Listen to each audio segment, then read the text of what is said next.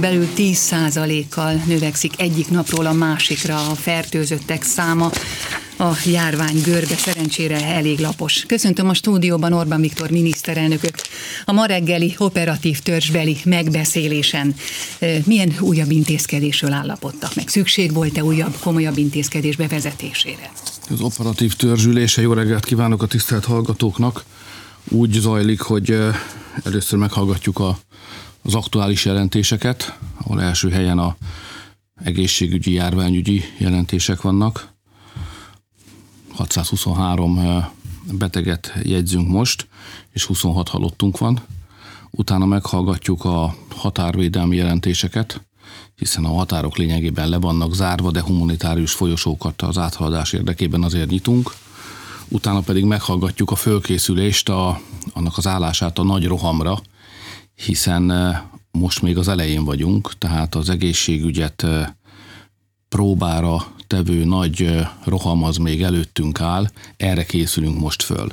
Nehéz, lelkileg nem egyszerű az ország helyzete, így aztán a miénk sem, mert ugye arról van szó, hogy itt egy baj, ez a vírus, és a bajt az ember az föl akarja számolni, tehát a vírust is meg akarja semmisíteni el akarja pusztítani, de miután nincs vakcinánk, ezt nem tudjuk megtenni. Tehát mindannyian tudjuk, hogy mit kellene tenni, csak nincs hozzá eszközünk. Mert ha meg lenne a vakcina, akkor mindenkit beoltanánk, megköszönnénk, hazamennénk, és folytatna az élet, folytatódna az életünk úgy, ahogy előtte volt. De nincsen vakcina, és a szakemberek meg a tudósok azt mondják, hogy ebben a helyzetben egyetlen lehetőség van, egy megoldás, hogy lassítani kell a vírus terjedését. Ennek meg egyetlen eszköze van, hogy a találkozásainkat a lehető legminimálisabbra csökkentjük. És ennek a munkálatait végezzük minden nap. De ott van a hátam, a kisagyamba, hátul a fülem mögött, hogy valójában nem ezt kellene csinálni, hanem a vírus kellene megölni, de arra nem vagyunk alkalmasak, mert mindannyian az emberiség legokosabb embereinek és tudósainak a kezében vagyunk. A világ minden pontján ezen dolgoznak mások, és nekünk meg várni kell, hogy ők milyen eredményre jutnak. Tehát marad a lassítás. És van még egy dolog, amit tennünk kell, mert ugye aki fertőzést kapott, az megbetegedhet, és aki megbetegedett, az lehet nagyon beteg, és aki nagyon beteg, az meg is halhat. Ezért aztán a másik dolog, amit tennünk kell, hogy harcolnunk kell minden egyes ember életért. Megpróbálunk megmenteni minden bajba került magyart, megharcolunk értük.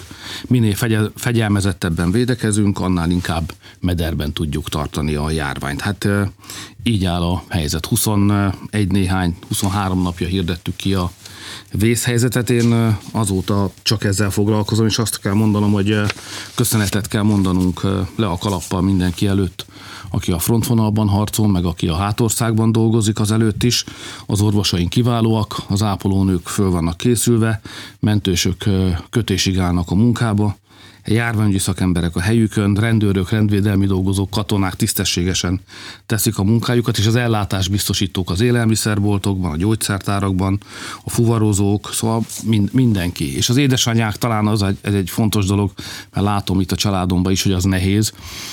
Ugye minél, minél kisebb a gyerek, már mint hogy óvodás, illetve általános iskolás alsó tagozatú, annál nagyobb az édesanyáknak a, a terhe, mert nem tudják beadni a gyerekeket az iskolába. Még pontosabban be tudnák adni a gyerekeket az iskolába, mert az iskolák nyitva vannak, ott vállaljuk a gyerekek megőrzését, ötfős csoportokban is tanítjuk is őket, de nem merik az anyukák beadni a gyerekeket. Én azt látom, hogy hiába mondom, hogy de nyitva van, be lehet vinni, a szülők azt mondják, hogy majd, hogy elmúlik a baj. Persze senki nem tudja, hogy mit jelent, hogy elmúlik a baj, de majd akkor engedjük csak a, a gyereket. Következésképpen foglalkozni kell vele otthon. És le a kalappal a tanáraink előtt is, akik át tudtak állni egy ilyen személyes találkozásra épülő oktatásból egy digitális, okta, digitális oktatásra, de egy alsó tagozatos gyerek mellett, ha nem ülött az édesanyja, vagy valaki vele, akkor az nem működik. Úgyhogy látom, az édesanyák is jól el vannak már fáradva. És persze az idősebb korosztály is, aki bajban van leginkább, róluk is azt azért érdemes elmondani, hogy mi fiatalabbak ez kevésbé érzékeljük, de nekik a legnehezebb. Mert minél idősebb az ember, ezt az saját bőrünkön is tapasztaljuk, annál inkább vágyik arra, hogy másokkal találkozzon. Hát küzd az elmagányosodás ellen, és jön, megy rokonokhoz, családokhoz, barátokhoz, és most ezt mind nem lehet. Tehát időskorban ez különösen nehéz, úgyhogy én nagy elismeréssel figyelem, ahogy fegyelmezetten a legtöbbje az idős honfitársainknak betartja azokat a kéréseket és szabályokat, amelyeket az élet kirót rájuk. A múlt héten azt mondta, hogy egy tizedére csökkent a kontaktusok, a személyes kontaktusok száma. E, ez vajon ezen a héten is így volt? Azért azt látjuk, hogy a rendőrök is arról számolnak be, a polgárőrök is, akik segítik a munkát, hogy figyelmeztetni kell, de az emberek jó része nagyon fegyelmezetten teszi, amit kell. De ugyanakkor meg nagy hét lesz jövő héten. Hát nehéz helyzetben vagyunk. Szerdán tervezem, hogy döntést hozunk a kiárási korlátozások jövőjét illetően. Ugye most vasárnap virágvasárnap, jövő héten húsvét.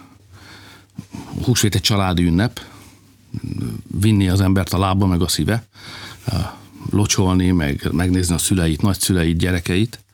Ez most alig ha lesz lehetséges, vagy csak szigorú korlátozások között. Ugye a kiárási korlátozások azok nagy szombatig vannak érvényben, tehát jövő hét szombatjáig.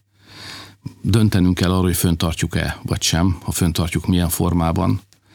Ebben nem látok világosan, tehát én megvárom a szerdát, és akkor a szerdai orvosi, járványügyi és rendőri jelentések alapján szeretnék majd döntést hozni arról, hogy meg kell ezt hosszabbítani. Hát ha kényszer rávisz, akkor megteszük, de érzem, hogy, hogy ez természetellenes. Aztán persze majd húsvétkor tudunk egy kicsit igazítani magunkon. Én abban reménykedem azért az néhány olyan nyugodtabb nap, amikor elmélyültebb gondolkodásra is van lehetőség. Ugye ilyenkor általában azért mégis inkább a Jóisten felé szoktuk terelni a gondolatainkat. Ez talán idén sem marad el, de most lesz gondolkodni valónk saját magunkról is hogy mégis hogyan szervezzük meg az életünket az előttünk álló időszakban. Ugye mindenkit egyetlen kérdés foglalkoztat, ez a mi lesz meddig kell vállalni ezeket a korlátozásokat.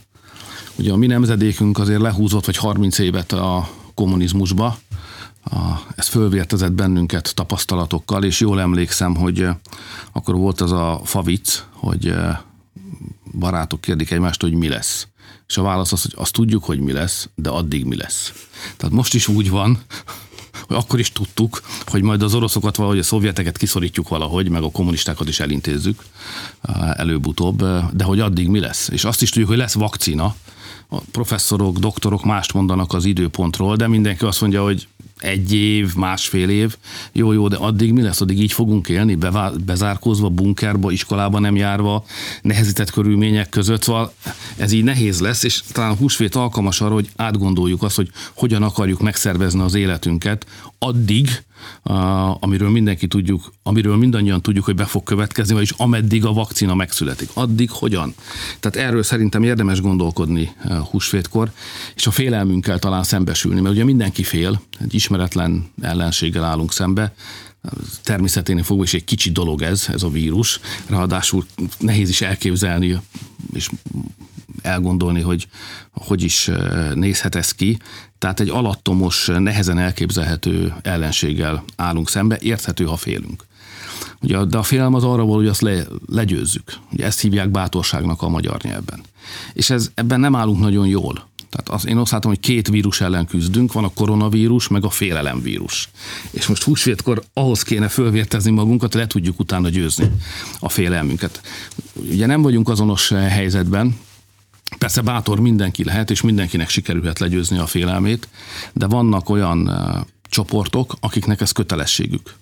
Ugye én leginkább velük dolgozom most, ezt én állapotbeli kötelességnek nevezném. Tehát vannak embereknek az a kötelességük, hogy legyőzzék a félelmüket, mert csak így tudnak segíteni a többi emberen. Ugye első helyen várjuk ezt a papoktól, mert a félelem legyűrése az mégis lelki erőt igényel, azért ők a felelősek. Aztán a második helyen vannak az államvezetők, akiknek olyan nehéz döntéseket kell hozni, és aki fél nem tud, nem tud jó döntést hozni. A harmadik helyen vannak a rendőrök, a katonák, a katasztrófavédelmisek, az egyenruhások, mert ugye ők vállalták azt, hogy fizikailag is megküzdenek majd az ellenséggel tehát nekik állapotbéli kötelességük a bátorság. Aztán vannak az orvosok, akik meg a nem látható ellenséggel szembeni küzdelmet vállalták. Tehát azt remélem, hogy így húsvétkor mindenki összerendezi magát, számol az állapotbéli kötelességeivel, tudja, hogy mi a dolga, és megpróbálunk berendezkedni a következő néhány hónapra, ami a vakcina föltalálásáig tart. És akkor lesz egy elviselhető élet Magyarországon. Megkezdték a munkájukat a kórházorvosok, és azt tapasztaljuk múlt hét óta, hogy egy egyre másra érkeznek a repülőgépek a védőfelszerelésekkel. Keletről, Kínából, többnyire Kínából, Törökországból jönnek ezek a felszerelések. Érdekes módon keletről jön a segítség, nyugatról meg a bírálat jön. Mármint az a bírálat, ami úgy tűnik, hogy elég jól megszervezetlen. Most először a nyugati sajtóban, aztán a nyugati politikusok megnyilvánulásaiban érzékelhető a magyar koronavírus törvényel kapcsolatban. Hát először a fölkészülésről hadd mondjam még azt, ha már itt említette a, a keletről érkező segítséget. Ebben most nem csinálnék ideológiai kérdést, hogy most nyugat vagy kelet, látom vannak, akik ezt teszik, irigylem a problémájukat. Én a gyakorlati ügyekre összpontosítok, de hát kétségkívül igaz, hogy segítség az a türk tanácstól jött, akikhez levélben fordultam, hogy segítsenek bennünket, és kaptunk is segítséget, meg a kínaiakkal tudtunk érdemi együttműködést kialakítani. Ez a fölkészülésünknek a fontos részét képezi. Ugye, mert egy légi hidat kellett gyakorlatilag építeni tegnap érkezett komplet gyártósor is már, amin maszkokat tudunk gyártani, ezeketnek a telepítése most zajlik. Ugye megrendeltük a lélegeztető készülékeket, ez kulcskérdés, hogy ezek érkezzenek, be tudjuk őket üzemelni. Aztán ugye járványkórházat építünk Kiskunhalason, a mindjárt végzünk, és kórházakat szabadítunk föl a koronavírusos betegeknek a fogadására. És persze kell egy vezénylési terv, mert az orvosok sem sem reménykedhetnek abban, meg az ápolónők se, hogy azért, mert ők egészségügyi dolgozók, nem lesznek betegek. Minden ország tapasztalata az, hogy közöttük is fölüti ez a fejét, sőt, közöttük ennek a kockázata még nagyobb, és ugye őket majd pótolni kell. Most a magyar törvények ebből a szempontból jók, mert minden egészségügyi dolgozó számára egészségügyi veszélyhelyzetben kötelezővé teszi a vezényelhetőséget. Ez persze a törvény elegánsabban fogalmazza meg, nem ilyen katonai nyelven, kirendelésnek nevezzük, de ez valójában vezénylés. És ilyenkor lehet központilag gazdálkodnunk az összes orvossal, ápolóval, tehát minden egészségügyi dolgozóval. A hallgatók nem látják, de itt is itt van a kezemben a, a, a legfontosabb dokumentuma az országnak. Ezt úgy hívják, hogy egészségügyi átcsoportosítási terv. Most Elég mutatom, most mutatom önnek. Ez, ez, ez arról szól, hogy hogyan kell az erőket majd átcsoportosítani, amikor jön a nagy roham, amikor tömegessé válik a fertőzés, és, és ezrével, tízezrével érkeznek emberek a kórházakba, akkor azok, őket hogyan fogjuk majd ellátni, és hogyan vezényeljük, melyik kórházból kit hova szükség esetén. Itt 110 kollégiumunk van lefoglalva, 19.820 főt tudunk altatni, 58 hotel van lefoglalva és készenlétbe helyezve, ott 5661 főt tudunk majd elhelyezni, 3543 gépjármű van szolgálatba állítva, és 203.770 fő étkeztetésére vagyunk fölkészülve. Ez egy katonai vezénylési akcióterv a tömeges járvány időszakára. De ezzel foglalkozunk mi. Most az a kérdés, mivel foglalkozik Brüsszel? Az velünk foglalkozik, pedig a vírussal kellene, meg a betegséggel. Én nem akarok belebeszélni az ő dolgukba, de azért mégiscsak emberéletekről van szó. Szóval én nem tudom, milyen emberek ülnek ott. De én azt tudom, hogy itt Budapesten nekünk minden magyar életelvesztése fáj közösen is mindannyiunknak, meg nekem személyesen is. Nem lehet az embernek fontosabb dolga, mint hogy azzal törődjön, hogy hogyan mentse az életeket. Ehhez összefogás, együttműködés kell. Minél jobban együttműködünk, annál több életet tudunk megmenteni. Ott valami más divat van, ott Brüsszelben ülnek valami buborékba, és osztják az észt, ahelyett, hogy mentenék az életet. Én ezt látom. A legfontosabb szerintem az, hogy ne engedjük, hogy eltérítsenek bennünket a saját munkánktól. Tehát ne hagyjuk magunkat provokálni, ne legyünk idegesek, a jogos fölháborodásunkat is fogjuk vissza, és minden energiánkat továbbra is összpontosítsuk arra, hogy hogyan segítsünk a magyaroknak, hogyan mentsünk meg minél több életet. Holnap Gulyás Gergely kormányzati koordinációért felelős miniszter úr be is fogja mutatni a magyar nyilvánosságnak a járványügyi alapot, amit fölállítottunk, ez mindenfajta intézkedéseket, pénzügyi eszközöket tartalmaz. Annyitán előre is elmondhatok, hogy ebben az évben minden egészségügyi dolgozónak eh, tudunk biztosítani 500 ezer forintnyi eh, plusz juttatást elismerendő a, a munkájukat, és ezen kívül még jó néhány más eh, eleme is van ennek a, ennek a járványügyi akciótervnek. Még egyetlen egy dolgot azért visszatölsz, nem érti az ember, hogy amikor Romániában, igaz, nem jelentik be, csak utólag kiderül, hogy felfüggesztik az emberi jogok európai egyezményének az alkalmazását. Akkor miért gond az, hogy Magyarországon a járvány végéig felhatalmazást kér a kormány arra, hogy rendeleti úton kormányozzon úgy, hogy egyébként az országgyűlés meg összeül. Nem tévesztik össze véletlenül a magyar kormányt a magyar főváros vezetésével, hiszen ott már márciusban sem hívták össze a közgyűlést, és ki is jelentette a főpolgármester, hogy ő nem is fogja a járvány végig, hanem rendeleti úton fog kormány. Az Európai Parlament is csak valami internetes formában ülésezik, tehát nem ülésezik. A magyar parlament dolgozik. Tegnap-tegnap előtt 16 törvény nyújtottunk be. Tehát ráadásul nem csak a járványügyi kérdésekkel foglalkozunk, mert azt rendeletekkel a kormánynak dolga kötelessége kezelni, hanem közben zajlik a normális életünk, vagy az életünk másik normális fele, mert közben más ügyek is vannak az életben a járvány ügyön túl, ott a törvényalkotásnak dolgozni kell, be is nyújtottuk ezeket a törvényeket. A magyar parlament gőzerővel dolgozik. Tehát tényszerűen hamis állítások, amikkel, amikkel operálnak a, az ellenfeleink. Most ebben a helyzetben nyugodtan mondhatom, hogy az ellenségeink. Ha megnézem a magyar kormánynak és személyesen nekem adott veszélyhelyzeti jogköröket, annak a kiterjedését és súlyát, akkor azt látom, hogy ez nagyjából annyi, mint amennyi jogköre a Franciaország elnökének van békeid, békeidőbe. Tehát teljesen nyilvánvaló, hogy itt egy politikai támadásról van szó. És az igazság, hogy egy hálózat. Nem akarom ezt a mantrát ismét elmondani, de vannak Magyarországnak ellenfelei, vannak, akik fenik a fogukat erre az országra, szeretnék kifosztani, megszerezni ennek az országnak az erőforrásait, ennek a hálózatnak az élén Soros György áll, az ő emberei vannak Brüsszelben, azokon a posztokon, ahonnan most a bennünket érő kritikák érnek, de mondtam, hogy ne engedjük magunkat provokálni, kicsit engedjük lejjebb az adrenalint, és törődjünk azzal, ami a dolgunk, hogyan segítsünk a magyaroknak, és hogyan mentsük a magyar életeket. Nagyon fontos a munkahelyek megtartása. Erről beszél mindenki. Amerikában is megugrott, igen, magas a munkanélküliek száma. Mit tesz a magyar kormány azért, hogy a munkahelyeket megmentse? Hát ugye mi nem vagyunk okai ennek a gazdasági válságnak. Nem kerestük, nem akartuk, nem jókoztuk, kaptuk a nyakunkba. Ez egy világméretű gazdasági válság lesz. Azt hiszem, ez megkockáztatható. De hogy európai méretű, az bizonyosan az a kérdés, hogy hogyan szervezzük meg az életünket, hogyan küzdünk meg ezzel a gazdasági válsággal Magyarországon.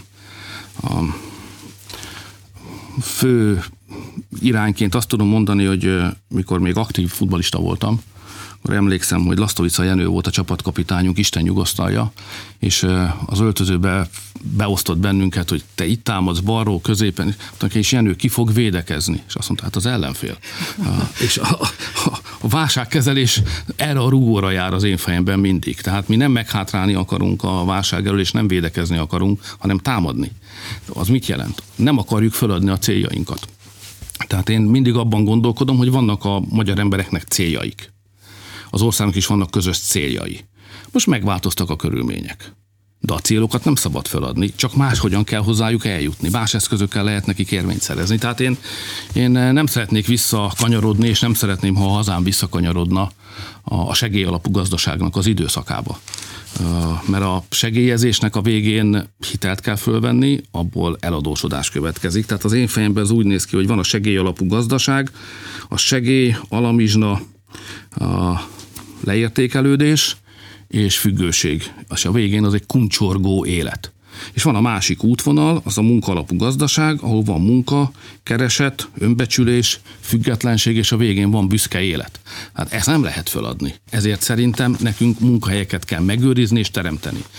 Kedden fogjuk bemutatni azt hiszem a magyar gazdaság történet legnagyobb gazdaságélénkítési tervét, amely négy fejezetből áll. Az első az a munkahelyek megőrzése, a második az új munkahelyek teremtése. Tehát óriási erőkkel dolgozunk azon, és nagy erőket szeretnék mozgósítani, hogy részben megvédjük azt, ami még megvédhető, de azonnal támadjunk és hozzunk létre minél több új munkahelyet. És ez fogja elősegíteni majd a, az akciótervünk. Ha nem ezt tesszük, akkor segélyalapú gazdaság lesz, akkor hiteleket kell fölvenni, leginkább külföldről, és bekanyarodunk abba az utcába, aminek a végén ott vár bennünket az IMF, meg a Soros Györgyféle pénzügyi spekulások. Azt javaslom, hogy ezt ne tegyük. Tehát úgy küzdjünk meg ezzel a válsággal, hogy ne adjuk fel a céljainkat, ne adjuk fel azt, amit elértünk, ne adjuk fel Magyarország függetlenségét, ne adjuk fel a munkaalapú gazdaságot, és ne adjuk fel a büszke élet lehetőségét se. Igen, de ehhez alapvető változásokra van szükség.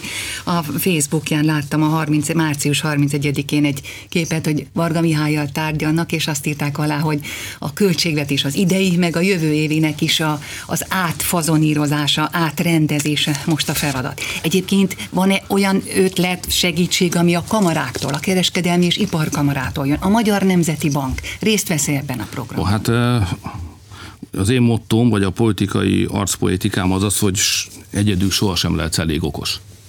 Tehát egy ország sorsa, gondjai, bajai, azok, az túl nagy kihívás ahhoz, hogy te azt hihed, hogy egyedül majd egyedül is elég okos leszel.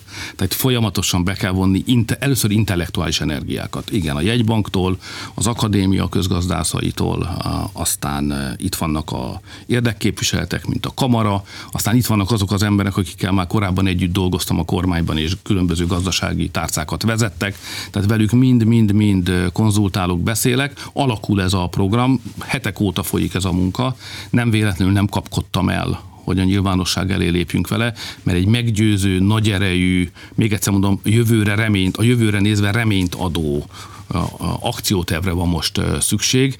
Nagyon jól haladunk vele, nagyon sokat is dolgozunk, én szerintem hétfő délután meg vagyunk, kedden be tudjuk jelenteni.